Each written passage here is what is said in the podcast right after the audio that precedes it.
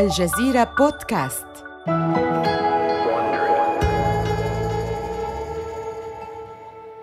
إنه يناير عام 2007 يجلس ريد هيستينغز في غرفة المؤتمرات الأنيقة في مقر نتفليكس الجديد.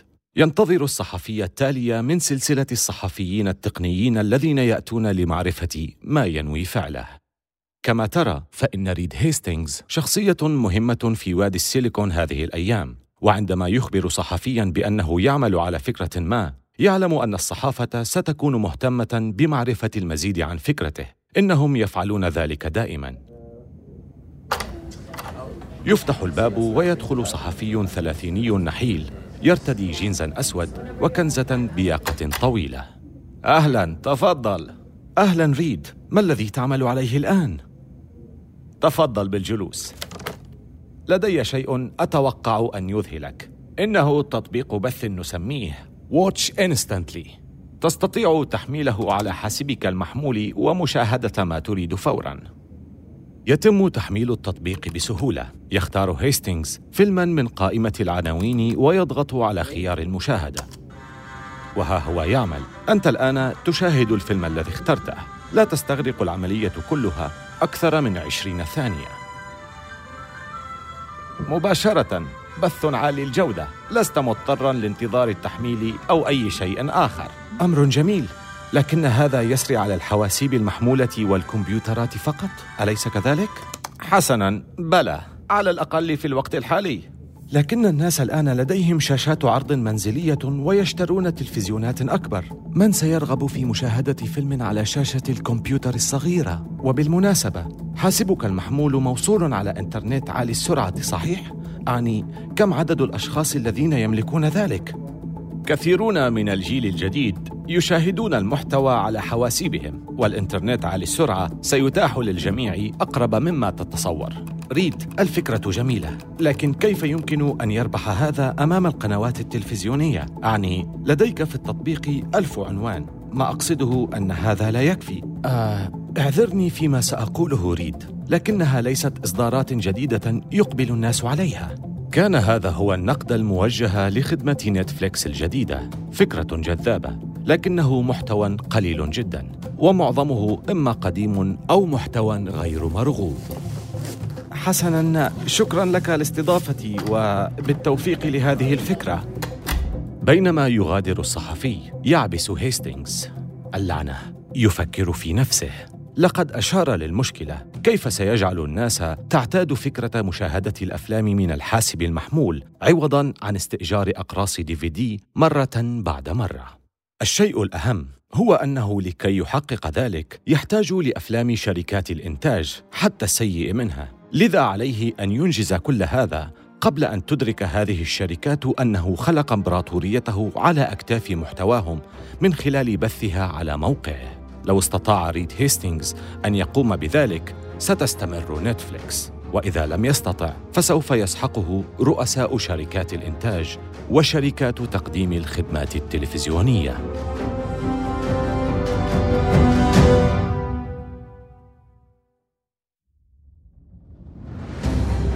من الجزيرة بودكاست بالتعاون مع Wondery. هذا بودكاست حروب الأعمال.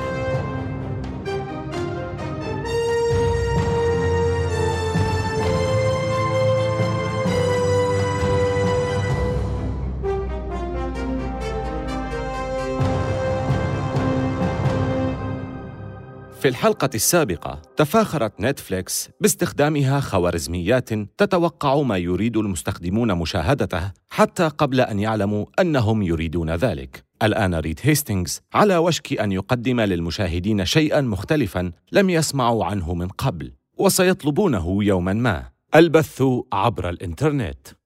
بالعودة إلى عام 2004 طلب هيستينغز من مهندسيه إنشاء مشغل فيديو سهل الاستعمال وجهاز يسمح للمستخدمين بمشاهدة المحتوى مباشرة على تلفازاتهم.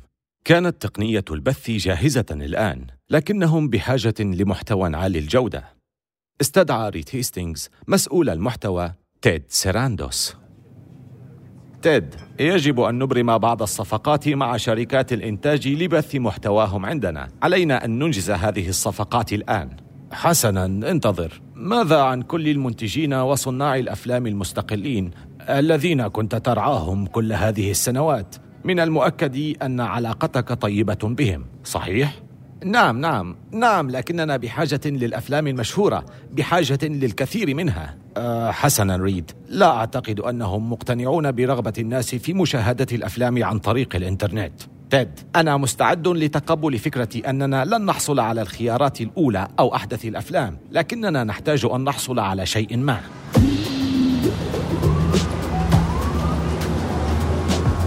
إنه عام 2008 يقف سيراندوس وهيستينغز في وسط ميدان كولومبوس في مدينة نيويورك الصاخبة يطلان على مقر تايم وورنر الجديد الضخم المكون من 55 طابقاً إنهما يسيران في اتجاه العملاق الإعلامي.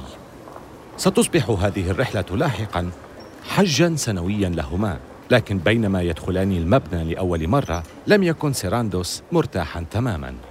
ريد يجب أن أخبرك. أنا لا أشعر بارتياح تجاه هذا الأمر. من السهل فهم سبب شعور سيراندوس هذا. إنهما هنا مع ماذا؟ لقد أحضرا معهما مبلغا بسيطا من موازنة شراء الحقوق لإنفاقه. إنهما على موعد مع أهم رجل هنا جيف بيوكس رئيس مجلس الإدارة والرئيس التنفيذي الذكي والقوي لشركة تايم وورنر. عندما أقول إنه أهم رجل فما الذي أقصده بذلك؟ لنتحدث قليلا عن بيوكاس. تتضمن إمبراطورية بيوكاس شركات وارنر براذرز ونيو لاين سينما وترنر برودكاستينج بالإضافة إلى أفلام سبايدر مان وسوبرمان حقوق هاري بوتر وسلسلة The Lord of the Rings وكازابلانكا وأفلام فازت بالأوسكار مثل Million Dollar Baby و Driving Miss Daisy نعم أيضا تمتلك تايم وورنر شيئا آخر ثاني أكبر مقدم خدمات تلفزيونية في البلاد. وأخيرا دعونا لا ننسى أنهم يملكون شبكة HBO بالتالي عندما يدعوهما بيوكس إلى مكتبه لابد أن يتحمسا لذلك. أما بيوكس فقد كان متحفظا. عرض هيستينغز على بيوكس عرضا توضيحيا لمنصة البث الجديدة. يستمع بيوكس جيدا لسيراندوس وهو يقدم عرض الشراء. نحن نعرض عليك اجرا للأفلام الكلاسيكية والبرامج التلفزيونية التي لم تعد تحقق ربحا لتايم وورنر. لكن بينما ينهي سيراندوس عرضه كان بيوكس منزعجا على وشك الغضب. أيها السيدان سأختصر الطريق عليكما. لن تحصل ابدا على برامج من HBO أو بكل صراحة على أي من محتوانا المتميز ابدا. إنه محتوى قيم جدا. سيد بيوكس فضلا اسمعنا. نحن نعرض عليك أن ندفع لك قيمة محددة مبلغا من ستة أرقام مقدما وليس حصة من الأرباح. ما يعني أننا سنتحمل وحدنا في نتفليكس كل المخاطرة. الجواب ما زال لا. وماذا عن مسلسلات HBO على جثتي. من المفهوم أن يحمي بيوكس محتوى HBO لقد غامر مغامرة كبيرة بمنتجات أصلية منذ عقد مضى عندما أدار HBO وحقق نجاحات مبهرة مثل Sopranos و Sex and the City وعلاوة على ذلك HBO تعتمد على المشتركين تماما كنتفليكس. يدرك بيوكس أن نتفليكس بطريقة أو بأخرى تحاول أن تمشي على خطى أو بدءا من جذب المشتركين بأي محتوى تستطيع تحمل تكلفته حتى تتمكن من تقديم محتوى حصري مع الأفلام والبرامج التلفزيونية الأكثر متابعة. إنه يعلم أنه في النهاية حتى مع تقنية البث الجديدة هذه ستحتاج نتفليكس إلى هذا المحتوى عالي الجودة للاستمرار ولكنه لن يقدمه بنفسه لهما. مع رفض بيوكس توصل هيستينغز وسيراندوس إلى حقيقة مرة. عليهما الحصول على أي محتوى يمكنهما العثور عليه الآن وإلا سيكونان خارج اللعبة تماماً. يدفع ريد هيستينغز فريق مبيعاته لتفعيل تطبيق بث نتفليكس على أي جهاز متصل بالإنترنت يقوم بتشغيل الفيديو. مشغلات دي في دي ووحدات تحكم الألعاب والهواتف الذكية. أي جهاز يتصل بالإنترنت ويشغل الفيديو علينا أن نصل إليه. علينا أن نكون موجودين في كل جهاز محمول. أن يشاهد الناس فيلما أو برنامجا تلفزيونيا كاملا على شاشة الهاتف الذكي الصغيرة تبدو فكرة غير واردة للكثير من الناس في هذه الأيام، لكن هيستينغز مصمم، هذا هو المستقبل. نتفليكس تطلق خدمة Watch Instantly والنقاد يسألون ماذا لديكم لنشاهده؟ يبدأ Watch Instantly في عام 2007 بألف فيلم فقط حوالي واحد بالمئة فقط من إجمالي ما هو موجود في قوائم أقراص الدي في دي لديهم لكن سيريندوس وفريقه يعملون على مدار الساعة وبحلول العام التالي زاد عدد الأفلام إلى عشرة آلاف. ومع ذلك فإن جهودهم للحصول على إصدارات حديثة لم تفي بالغرض. اعتاد عملاء نتفليكس دي في دي الحصول على أفضل وأحدث الأفلام بعد يوم أو يومين فقط من طلبها. ولكن عندما بدأ هؤلاء العملاء في تجربة خدمة البث في نتفليكس دعنا نقل إن خيارات الأفلام المتاحة قد خذلتهم نوعاً ما. والعناوين ليست الأحدث ولا الأفضل ومستخدمو الخدمة لا يتوقفون عن انتقادهم لها في أحاديثهم على الإنترنت. بالنسبة للأفلام التي وصلت حديثا كان علي أن أختار بين Precious و The Bounty Hunter و Centurion و Avalon High و Exit Through the Gift Shop هذا سيء جدا. ريد هيستينغز ليس منزعجا حقا من عاصفة التعليقات المنهالة عليهم على الأقل هذا يعني أنهم يجربون التطبيق الجديد ولكن هل تعرف هذا التعبير؟ المحتوى هو من يحكم؟ حسنا اتضح أن الأمر ليس كذلك دائما في بعض الأحيان يكون من يحكم هو خوارزمية تعمل بجد لتغيير عادات العملاء لا يقتصر الأمر على مشاهدة المشتركين لنتفليكس فقط بل إن خوارزمية نتفليكس تراقبهم أيضا. إنها لا ترصد فقط كيف يبحث الأشخاص عن الأفلام ولكن أيضا كم يستغرقون في مشاهدتها حتى لو لم يحبوها. فتحدد برمجة البث عدد المرات التي يشاهد فيها الشخص مشهدا ما أو يعيده أو يتخطاه. وحتى أي ممثلين يروقون لأي مشاهدين. باختصار تحدد لأي نمط ينتمي المشاهدون. باستخدام هذه المعلومات تقوم نتفليكس بتطوير ملف تعريف سلوك معقد لكل مشترك ويساعدهم هذا على تحديد الجمهور المناسب للأفلام المختلفة بدقة. في يوم من الأيام ستكون هذه المعلومات هي الوريد الذهبي الذي كانوا ينقبون بحثا عنه. بحلول منتصف عام 2008 كان فريق هيستينغز قد وصل بتطبيق بث نتفليكس إلى عشرات الأجهزة بما في ذلك وحدة تحكم ألعاب Xbox من مايكروسوفت وأجهزة تشغيل البث من خلال الإنترنت Roku ثم وصلوا إلى جهاز Wii من نينتندو وجهاز PlayStation الذي تنتجه شركة سوني بعد ذلك بعامين. كما تطرح مشغلات بلوراي دي في دي. وهي محملة مسبقا بالتطبيق وتبدأ الاشتراكات بالارتفاع.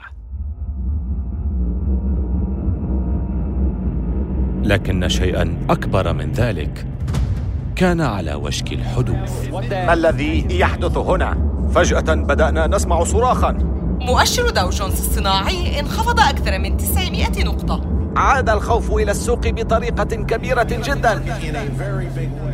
تتابع الاستوديوهات الرئيسية وشبكات التلفزيون في رعب كيف تتجمد أرباحها وأسعار أسهمها وسط ما سيعرف بالركود الكبير. وبينما يجتاح الكساد البلاد كانت الشركات في كل مكان يائسة من الحصول على سيولة نقدية بما في ذلك وسائل الإعلام الكبيرة. عندما يطرق تيد سيراندوس باب منتجي الأفلام حاملا المال بيده هذه المرة سيكون رؤساء الاستوديو أكثر قابلية للتفاوض. تبدأ صفقات المحتوى بالتدفق. عناوين أحدث وأفضل أيضا. قد يكون الاقتصاد العالمي في حالة انهيار ولكن ثروة نتفليكس آخذة في الازدياد. يأتي أكبر إنجاز لسيراندوس في أواخر عام 2008 حتى مع وجود المزيد من صفقات المحتوى ما يزال سيراندوس غير قادر على الحصول على أحدث الأفلام وأكثرها شعبية لإضافتها إلى خدمة بث نتفليكس. فأهم الأفلام تم حجزها بالفعل في صفقات حصرية مع القنوات التلفزيونية المشهورة مثل HBO و Showtime و Starz Entertainment. يعرف سيراندوس موقف HBO الفضل لصراحة جيف بيوكاس لكن سيراندوس يجد شريكا آخر أكثر اقتناعا بالفكرة. هذا الشريك هو قناة أفلام تلفزيونية صغيرة تسمى Starz. يقنع سيراندوس رئيس القناة بالتوقيع على حقوق الترخيص الرقمي مقابل مبلغ ضئيل نسبيا قدره 25 مليون دولار سنويا. المال هو المال في النهاية. فجأة أصبح لدى نتفليكس مجموعة كبيرة من الأفلام الضخمة من إنتاج سوني وديزني جاهزة للبث. الجزء الثالث من سلسلة سبايدر مان و Pirates of the Caribbean وفيلم Ratatouille من إنتاج بيكسار. هذا نعم هذا ما كانت تنتظره نتفليكس. فرصة لتقدم للعملاء نفس الأفلام التي يمكنهم الحصول عليها من القنوات التلفزيونية المدفوعة ولكن بجزء بسيط من السعر. من جانبه على الأقل فإن رئيس شركة Starz Entertainment بيل مايرز مسرور بهذه الصفقة. أصبحت نتفليكس رائدة مبدعة في مجال الفيديو المنزلي ويسعدنا أن نقدم لعملاء نتفليكس مجموعتنا الفريدة والقوية من الأفلام للمشتركين. بالطبع سيكون مبتهجاً. لقد حصل على حبل النجاة بقيمة 25 مليون دولار. لا يرى مايرز نتفليكس. باعتبارها تمثل تهديدا كما يراها معظم صناع الأفلام في هوليوود. لا لا لا. إنه يراها تقنية جديدة تقنية يمكن الانتفاع بها. ولكن هناك شخصا آخر على الهامش. شخصا ما يرى نتفليكس كأداة لنجاحه. يمكنك القول إنه شخص تقني يفكر بشكل مختلف. في يوم من آخر أيام عام 2009 يدخل رئيس نتفليكس ريد هيستينغز إلى منطقة المكاتب حيث يعمل مهندسوه ممسكا بأوراق مطبوعة في يده. يا شباب لقد وصلني هذا البريد الإلكتروني للتو من ستيف. من ستيف؟ ستيف جوبز يريد أن يعرف ما إذا كنا نريد أن تكون نتفليكس تطبيق البث الرسمي في جهاز أبل اللوحي الجديد. حسنا هذا خبر جميل بلا شك ولكننا منشغلون في الوقت الحالي في إطلاق باقي المشاريع. إجابة خاطئة. لا يهمني إذا كان عليك قلب الجدول راسا على عقب. هذا أمر يجب أن يحدث. حسنا عندما يتم إطلاق آيباد أنت تعرف ماذا يحدث. أليس كذلك؟ بمجرد أن يجرب الأشخاص مشاهدة الفيديوهات على الجهاز اللوحي سيدمنون ذلك. كل السنين التي ركزت فيها نتفليكس على الحصول على أفضل التقنيات قد آتت ثمارها. وأخيرا الآن تمتلك نتفليكس تطبيق العرض الخاص بها للمشاهد اليومي بلا منازع. لا شيء سيبقى على حاله بعد اليوم.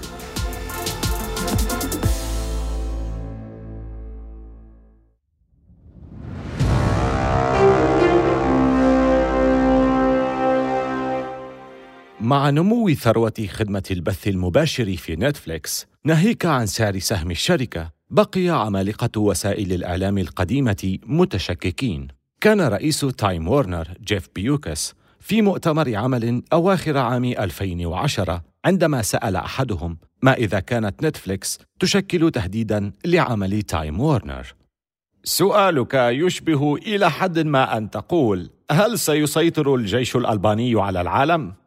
لا أعتقد ذلك. يحافظ ريد هيستينغز على رباطة جأشه علنية ولكنه يسخر من بيوكس بشكل سري. يصبح تعليق الجيش الألباني حافز هيستينغز للقتال حتى إنه وزع قبعات الجيش الألباني على موظفيه التنفيذيين. وبدأ في ارتداء بطاقة تعريف معدنية تابعة للجيش الألباني تحت قميصه.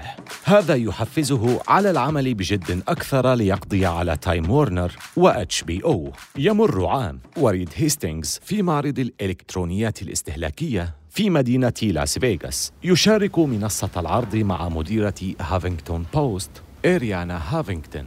هل ما يزال جيف بيوكس أفضل أصدقائك؟ بسعادة يخرج هيستينغز بطاقة معدنية يعلقها على رقبته. حسنا دعينا نقل إني فخور بارتداء بطاقة تعريف الجيش الألباني.